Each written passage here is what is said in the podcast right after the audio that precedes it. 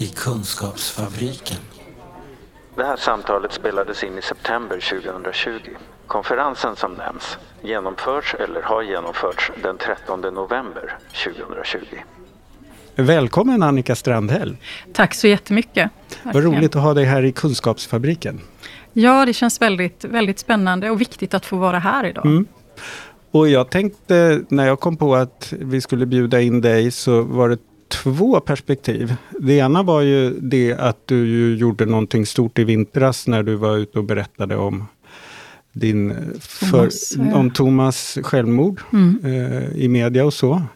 Och vi vi står ju för att det är viktigt att prata om sådana här mm. saker för att ta vara på erfarenheterna och göra mm. samhället mer tolerant och sådär. Men sen ska du också lite senare i höst vara med på en konferens vi har som handlar om stöd för anhöriga och anhörigstöd. Och eh, ska få prata där, så jag tänkte mm. kolla lite hur du har tänkt inför det. Jag blev ju eh, väldigt, väldigt glad när jag, när jag fick frågan att komma och tala på den här mm. anhörigkonferensen. Mm. Jag har ju många år bakom mig, håller jag på att säga, som både socialförsäkrings och socialminister. När man blir då såklart i och med att man också i viss mån ansvarar för, för de här frågorna. Men då blir man ju inbjuden att tala utifrån ett helt annat perspektiv.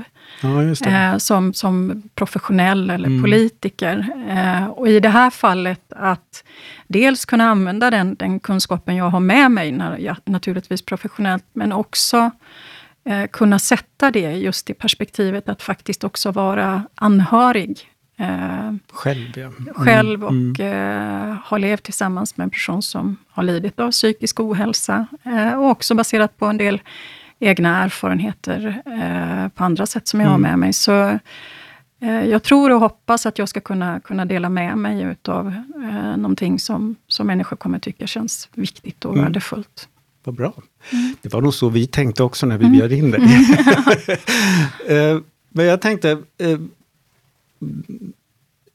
det här när du var med i Skavlan och sen mm. var ute i pressen och, och, berättade vad som verkligen hade hänt. Det var ju mm. också så för att det hade också börjat förekomma massa rykten om vad som mm. hade hänt och sådär. Men um, hur, hur tänkte du liksom inför det där? Och liksom, vad var, var det något du behövde göra upp med dig själv för att känna att jag behöver, eller det skulle vara bra om jag berättar offentligt?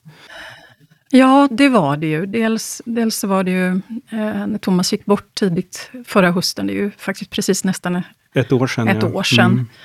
Mm. Eh, så är man, man är ju först inne efter något sånt sker i en, en liksom stor kris. Eh, att försöka landa eh, både själv och tillsammans med, med barn och familj. Mm. Så, så att i det läget eh, omedelbart eh, gå ut och prata om det, trots att jag var offentlig person, vilket ju också gör det lite det. speciellt. Mm. Det blir ju en annan bevakning kring, kring det hela. Eh, gjorde att vi ändå behövde tid att, att få landa tillsammans i familjen. Mm. Sen har jag ju i, i, den rollen som jag har haft som, som socialminister eh, under eh, de sista åren, varit ute och pratat väldigt mycket om eh, just vikten av att man, man ökar öppenheten kring, kring psykisk ohälsa, som i bred bemärkelse, mm. med alla olika nivåer det finns i det här väldigt breda begreppet, eh, är någonting som så många svenskar Eh, är antingen direkt personligt berörda av eller som anhöriga. Mm. Eh, och att vi måste hitta ett helt annat förhållningssätt till eh, de olika delarna av psykisk ohälsa i vårt samhälle. Mm. Och inte bara utifrån behandlingsmetoder, utan just utifrån hur, hur vi ser på psykisk ohälsa, hur vi adresserar det, hur vi ökar förståelsen på alla nivåer i samhället. Och det har jag ju pratat jättemycket om. Mm. Eh, och att, att då hamna i ett läge där man själv eh, så tydligt har, har drabbats av detta och vara anhörig, eh, gjorde ju att det, det blev en liksom, kamp inom mig själv på sätt och vis. I, eh, i hur, en vilja att vara mm. väldigt öppen, men samtidigt en vikt, vikten av att också, i och med att jag också förstod att det kommer få väldigt mycket uppmärksamhet, eh, så var jag ju tvungen också att ta hänsyn till såklart vad, vad mina barn Just ville. Mm. Eh, och vad de kände inför att gå ut och prata så, så öppet om, om deras pappa. Mm. Eh, och det som har hänt vår familj. Eh, men eh, vi landade i, när vi hade pratat om det här, eh, att de väldigt gärna också de kände att det var viktigt att gå Mm. ut och prata om det här. Ehm, både utifrån att jag upplever att, att mina flickor, min äldsta flicka är ju 16 nu, eh, har en annan syn på, på psykisk ohälsa. Det är väldigt många unga idag som, som är En drabbade annan av syn än psykisk vad, ohälsa. vad du har. Ja, Så- eller, ja, det. eller Mm. kanske vad liksom äldre i just samhället har. Att det var inte så konstigt för henne att, att vi skulle gå ut och prata om det här. Eh, och sen så var det också så att på juldagen så tog ju eh, den norska prinsessan Märta Louise, eh, före detta man Ari Ben, livet av sig. Och de som familj var ju väldigt, väldigt snabbt ute och pratade öppet om Just det det. här. Mm. Och det, det, var, det var också en inspiration eh, för oss. Ja. Eh, och gjorde det också kanske lite verkligt för mina barn, att, ja, tydligt Mm. att det går att prata om det på det här sättet. Ja, det, det, dels att det går, men också att det kanske i det skede vi befinner oss i, i vårt samhälle idag, är viktigt. Mm. Att man eh, kan passa på att... Man kan inte göra det som har hänt meningsfullt, men man kan försöka göra någonting bra av den skit som händer. Exakt, Så, ja, vilket, ja. vilket bra sätt att uttrycka det på. Mm. Jo, det, det kände vi ju verkligen, att, att vi skulle kunna göra något, något bra av Ja, det här. Jag hade också en, en väldigt bra dialog med, med Skavlans eh, människor runt omkring Mm. honom och med honom själv. Eh, och där man fick en genuin känsla av eh, att han verkligen ville göra någonting väldigt bra. Just det. Det var inte någon detta. sensation Nej. i det. Nej, Nej, det. utan att också Mm. låta mig få tid. Och, eh, så det, det, det kändes verkligen som, som rätt beslut. Mm. Eh, sen är det ju också så att i och med att eh, jag är både en offentlig person och också ganska kontroversiell politiker i en Mm. del lägen. Jag möts ju av mycket hat och hot, eh, inte minst från, från högerextremism och sådär. Ja. Eh, så var det också så att, eh, att man mot bakgrund av att Thomas eh, tog livet av sig spred en väldigt massa tråkiga rykten eh, och historier i, i sociala medier och sådär. Och så är det klart, det fanns också en det ska jag inte sticka under stol med, det fanns ju också naturligtvis en del i det som handlar om att ta makten över vår egen berättelse och Just det. historia. Mm. Och sätta våra egna ord det. på detta. Men den tänker jag, om nu tänker att din situation är väldigt speciell som offentlig person och Mm. också mer precis som du säger med utsatt för mycket hat och hot och, och Mm. prat. Mm, så ja. så ehm, att ta makten över det. Men det gäller ju även om man är en inom citationstecken vanlig person som inte är offentlig. Att, eh, vad säger grannarna? Exakt. Alltså, och hur skulle jag, eh, kan jag vara öppen med vad som har hänt i min familj? Hur kommer jag möta mina grannar på gården Mm. eh, i framtiden? Så att det finns ju lite samma problematik. Det finns väldigt Mm. mycket samma problematik. Ehm, och det, det, jag är ju så otroligt eh, i efterhand, eh, ska jag uttrycka det, jag är väldigt nöjd med, eller tillfreds med att vi gick ut på det där Ja. sättet. Eh, för att det är så otroligt många människor eh, som har hört av sig till mig. Eh, och eh, dagarna efter jag hade varit med i, i Skavlan så drunknade jag ju mer eller mindre, eh, och även partiet, eh, i människor som hörde av sig med sina berättelser. Som verkligen stärkte mig i, i liksom uppfattningen att det här var helt, helt rätt. Och be, just den bilden, Mårten, som du målar upp här. Eh, jag fick så många berättelser eh, från människor som beskrev eh, hur, hur man har drabbats av psykisk ohälsa i familjen, eller någon som har tagit sitt liv. Och hur grannarna, det var någon som beskrev, hon, hon, hennes pappa hade tagit livet av sig, av sig när hon var yngre. Och när hon sedan gick tillsammans med sina syskon och sin mamma på gatan, så gick grannarna över på andra sidan. Kafferast i Kunskapsfabriken. Thomas levde ju själv med den här stigmatiseringen. Just det, han var ju ganska mycket ett uttryck för Ja, det kan för man väl det. säga. Han Ja, sökte ju inte hjälp Nej. eh, för sitt dåligt mående. Men hade han fått cancer, eller brutit ett ben. Och, det, och för oss som, som rörs, rör, kanske rör oss mycket i, i att prata kring psykisk ohälsa och så, här, så känner vi ju igen de här exemplen. Mm. Men det är ju precis det här vi behöver sprida mm. för att på något sätt också visa det absurda, ärligt talat, eh, i den situation vi, vi har i vårt land kring vad så många människor är drabbade av och berörda av. Jag tänk, tänker att den där tystnaden slår negativt åt två håll. Dels så slår den ju mot individen mm. som, som då inte söker hjälp eller som kanske kan för lite om sånt här och gör att jag har svårt att tolka vad som händer i mig i, i den här situationen.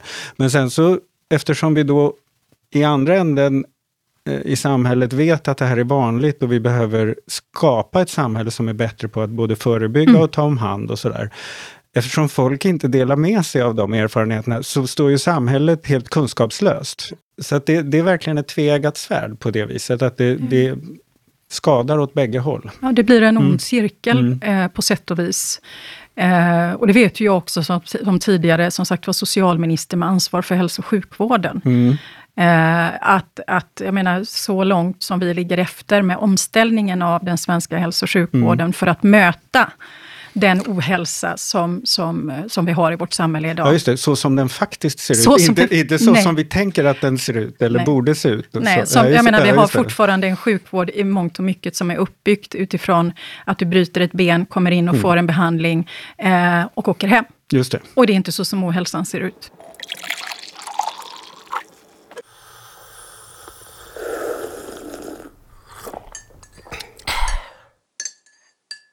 Om du jämför med, med dina barn, mm.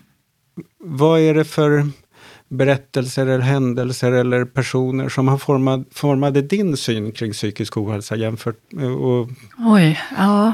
Ja, där, där i och för sig, om, om jag ska ändå tillåta mig lite, lite öppenhet. Alltså, mm. eh, jag är ju uppväxt med, tillsammans med två syskon med en ensamstående mamma eh,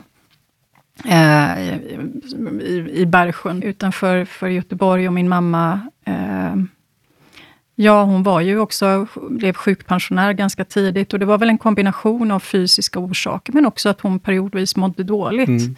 Så att jag har ju liksom med mig erfarenheter, kanske som, som anhörig på det sättet, mm. eh, också i viss mån.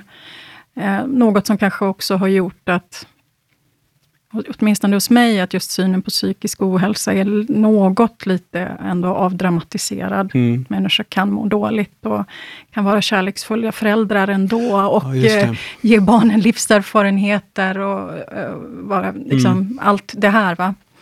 Uh, där det också finns emellanåt en bild av att, att det inte går ihop sig, men det gör det absolut. Så det är klart att det i någon mån har väl format mig, men, mm. men också när faktiskt jag fick Eh, jag har väl alltid haft liksom ett ganska intensivt arbetsliv och när jag blev gravid med min första dotter, det här var väl 2003 någon gång, då, 2004, Felicia som nu är 16, eh, så jobbade jag, ja dels så jobbade jag i, i, i Genève och reste över hela jäkla Östeuropa. Eh, så blev jag gravid med Felicia och så hade jag eh, fackliga uppdrag i Göteborgs stad.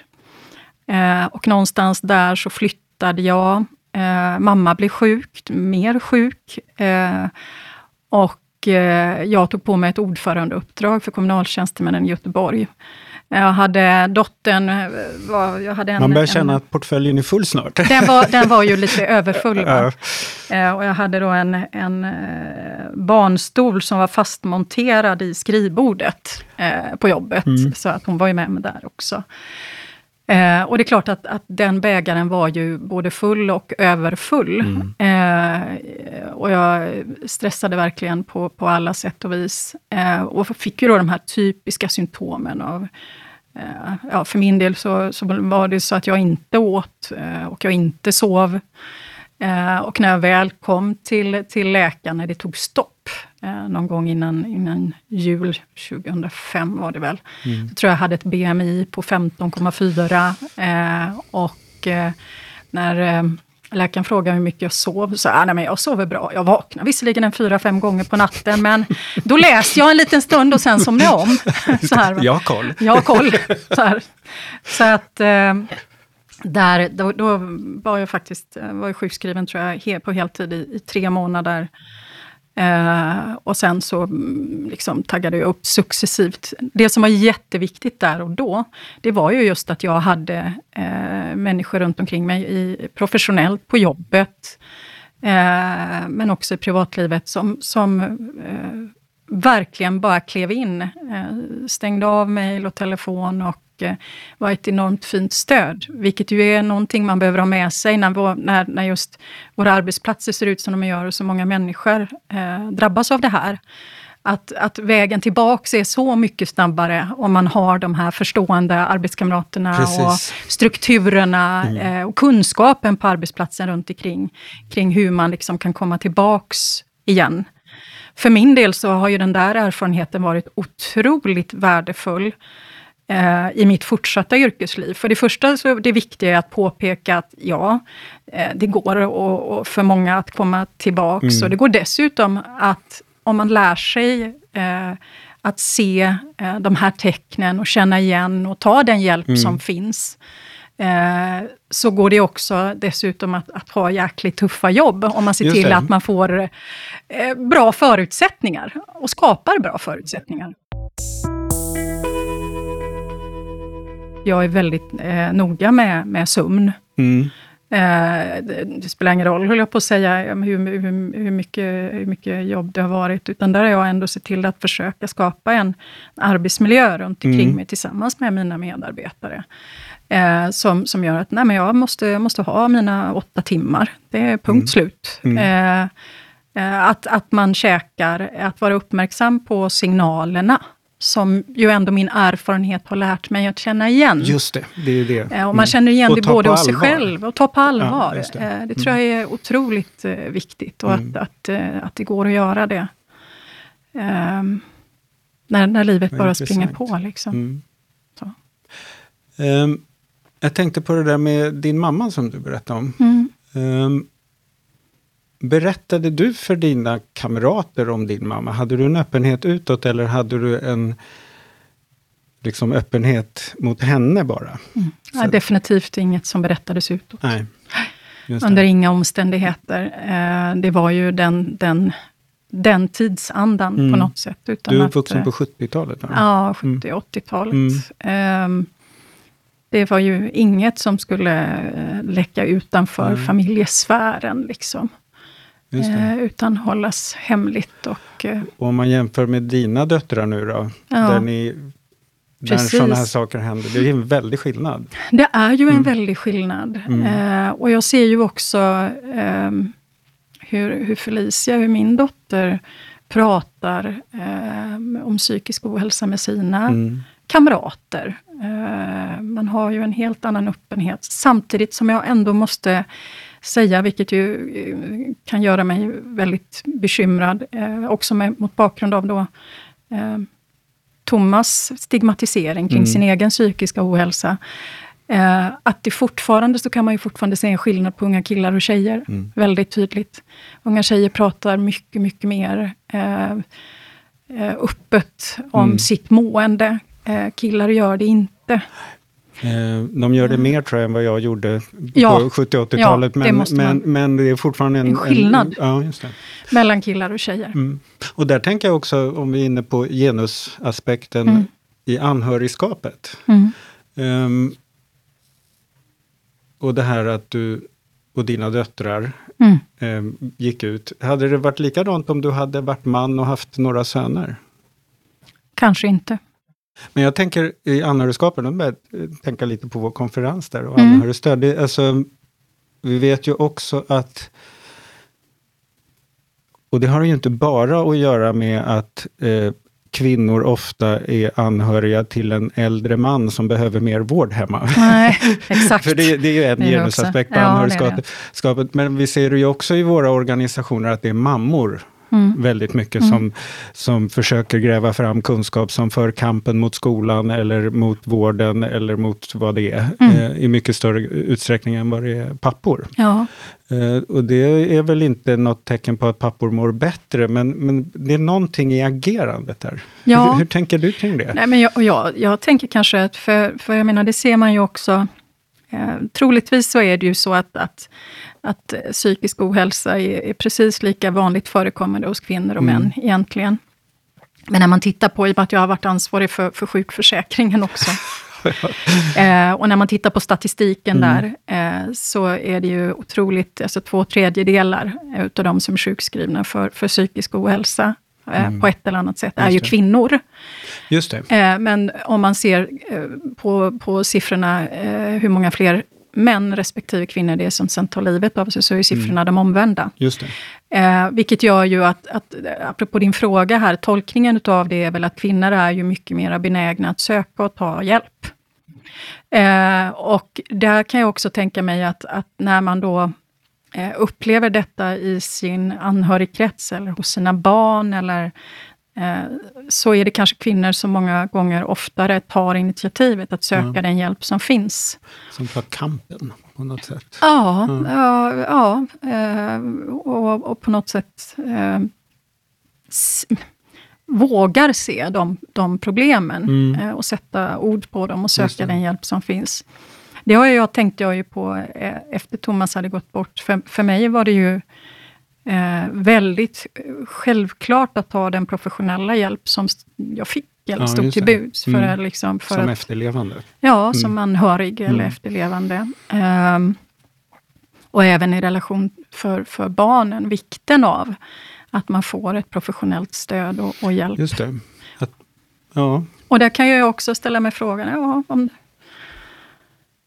om det hade varit tvärtom och det hade varit mm. Thomas. Ja, säkert tjejerna hade man ju naturligtvis sett till att de fick hjälp. Undrar om han hade tagit professionell hjälp själv. Alltså det är Ja, mycket just sådana här... Ja, precis. liksom- Som vi inte Nej, kan veta. nej förstås. det kan vi inte göra. Mm.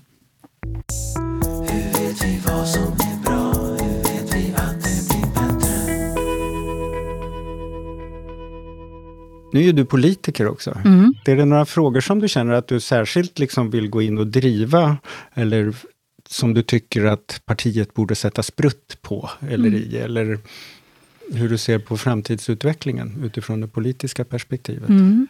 Ja, det, dels så är det ju så att jag med utgångspunkt ifrån det faktum att jag, jag ändå är eh, hyfsat ledande politiker Mm. i, i mitt parti och dessutom har bakgrunden som eh, tidigare socialminister, så, så är det klart att jag också känner ett, ett, ett ansvar, och inte bara då som anhörig, utan också utifrån den rollen, Mm. att, att fortsätta vara en, en röst i de här frågorna. Eh, och det är ju ingen tvekan om eh, att vi behöver fortsätta eh, den omställningen som behöver ske i vårt samhälle för, för att liksom möta upp den folkhälsa, ärligt talat, eh, som, som vi har idag. Eh, och eh, inte minst i relation till unga människor, där vi idag ser att det är, kommer vara en helt annan bild eh, av unga människor som kommer ut på arbetsplatsen och redan har med sig ett bagage eller en ryggsäck, där man har upplevt någon form av egen upplevd psykisk ohälsa just i alla fall. Och hur det liksom präglar. Så att jo, eh, definitivt så, så ser ju jag att jag både vill och har möjligheten att, att fortsätta lyfta och driva de här frågorna. Eh, kommer att göra det. Eh, och eh, det som jag också kan tycka är lite, eh, lite glädjande när jag tittar på mitt eget eh, parti, det är ändå att jag upplever inte ett särskilt stort motstånd eh, i de här frågorna, utan snarare tvärtom. Att, att man inser att det behöver prioriteras på olika sätt. Men också att vi har ett, ett ungdomsförbund i SSU som väldigt starkt eh, driver de här eh, frågorna utifrån sina, naturligtvis, Ja, de är ju eh, mitt medlemmar. i den där ungdomen. Ja, ja. Det. Ja. Det blir naturligt att det... Och det är också en bekräftelse på hur aktuell den här frågan är. Eh, Och kanske också en bekräftelse på att samhället underifrån vill att det blir en förändring. ja, ja, Ehm, förhoppningsvis. Mm, just det. Så är det ju så. Och det, det sätter ju också en press på gamla uvar. Vi jobbar ju just nu med NSB också med ett äldreprojekt. Mm. Där vi är ute och liksom fångar in äldres röster kring dels hur det är att vara gammal och vad det kan vara för Mm. påfrestning, men kanske framförallt också alla de som har levt länge med psykisk ohälsa och som har tagit sig genom arbetslivet och som också kanske sen kommer i, i ett åldrande som, där Mm. de plötsligt inte får samma sociala insatser för att de, vissa tycker att nu är ju du pensionär så då du, hör du till ålderomsorgen och sådär. Ja. Och också vad det är att förvalta den där kunskapen som vi har varit Mm. inne på, livskunskapen av att leva med psykisk ohälsa. Hur, hur kan jag använda den när jag blir äldre? Hur, hur, hur påverkas mitt mående, mående nu när jag, Mm. kroppen är gammal Mm. också? Sånt där. där behöver vi överlag lära oss mer också. Väldigt Mm. mycket, mycket mer. Eh, lite grann touchade du på det tidigare när du sa att det vi vet ju också att inte minst eh, depression är någonting som ökar och är väldigt Mm. vanligt bland våra äldre. Mm. Eh, Det har naturligtvis också att göra med att, att vi lever allt längre. Det blir en, en, eh, en multisjuklighet hos våra äldre som ställer helt andra krav Mm. på, på hälso och sjukvården. Också kunna se ehm, det här dåligt måendet och som ju inte minst i ett samhälle som Sverige, eh, där, vi, där, vi, där vi ju inte har det här självklara eh, familje... Ska jag, hur ska jag uttrycka det? Eh, Fami- familjenätverket kring, kring, kring Mm. våra äldre. Utan att vi har den här oerhörda ensamheten bland många äldre. Mm. Eh, Och där behöver man ju inte vara äldre för att må dåligt utav Nej. ensamhet, men de är extra utsatta. Precis, vi var inne detta. på det lite här innan, det här med coronan som en Mm. testballong för ensamhet i arbetslivet. Mm. Det här att alla plötsligt blev sittande hemma var för sig och pratade via dator. Att på, efter ett par månader så är det något som börjar gnaga över att det, det här, det är inte så här jag är skapt. För. Och jag märkte ju det med min egen mamma under coronan. För att hon, hon, har, hon är änka och har, tycker det är tråkigt och jobbigt. Mm. Och eh, det har varit jättebra att vi har bott nära varandra och kunnat ses enkelt Mm. och promenera till varandra och höras och ses. Och plötsligt kunde vi inte göra det heller. Nej. Och det gick ganska snabbt. Alltså, så insåg jag att men, hon tappade gnistan helt. Ja. Det är så otroligt viktigt, för jag menar det, det är så många eh, vittnesmål som, som man nu eh, nås av. Eh, just att, att det är så många äldre som Mm. mår väldigt, väldigt dåligt Mm. utav den här isoleringen. Som från början kanske eh, har varit ensamma, men där den där promenaden är på torget på dagen till affären Gjorde har varit det som har varit Ja. skillnaden Mm. och nu kan man inte ens göra Nej. det. Precis. Eller det där sällsynta besöket från barnbarnen eller barnen Mm. eller sådär. Va? Så att, ehm, Men jag tänker också om vi lägger ett anhörigperspektiv på det. Mm. Jag själv då som anhörig till mina föräldrar. Mm. Ehm, Den där lite maktlösheten över att eh, jag själv är mitt uppe i livet så mycket och eh, det ingår liksom inte i mitt livspussel att ta hand om mina föräldrar också. Nej. Eller det finns egentligen ingen Nej. plats för det, utan det måste jag verkligen skapa på något sätt. För att annars så tar mitt arbetsliv och allt annat som man ska förverkliga och göra som, som Mm. vuxen, Mm. tar det lätt överhanden. Och så missar man någonting där. Som, eller man måste konstruera något som man av någon anledning har tagit bort ur tillvaron. Ja, och det är ju någonting som vi på sätt och vis har, har i våran eh, iver eh, och tror jag goda vilja att skapa möjligheter till självständighet och eget Mm. liv för våra äldre och möjlighet att ha en egen ekonomi och allt det här. Att, inte, att man inte behöver ligga sina barn till last. Nej, just det. Det gamla, jag menar, det har, ju, Mm. det har ju ändå funnits en, en politisk drivkraft, inte minst i mitt eget parti, Mm. att, att gå i den riktningen. Men baksidan utav det eh, är ju den ensamhet. Eh, och känsla utav isolering Mm. som många utav våra äldre upplever idag. Stigmatisering, att man på något sätt ska träda åt sidan när man är i en viss ålder. Eh, samtidigt som vi lever allt längre och kan konstatera att dagens 70-åringar är ungefär kognitivt som 50-åringar var för, liksom Mm, för 20 50 år sedan. ja, Ja. Alltså, tänk, min mamma sa det, vi har brukat ses ute och sitta på en bänk och prata. Mm. Och så sa hon, och det var verkligen hjärtskärande, eh, att jag tänker ofta om de här dagarna när det går så långsamt, att hela meningen med mitt liv just nu är att jag inte ska ställa till några problem. Jätte, jag tror, tror att det där är en ganska bra beskrivning av hur många upplever det. Och kruxet då är att nästan alla kontakter vi har, Mm. inte alla, men ganska många, handlar om att det har hänt något med hennes dator. Ja, Eller hon, det. det. är någonting med hennes mobiltelefon som hon inte kommer ihåg hur man gjorde. Eh, att det faktiskt är att vi, alla gånger vi hörs av så är det för att hon på något sätt har ställt till problem. det där är så det, är intressant. inte, det är inte så bra karma eh, att vi har riggat det så. Är det något du tycker att jag har glömt att fråga dig om?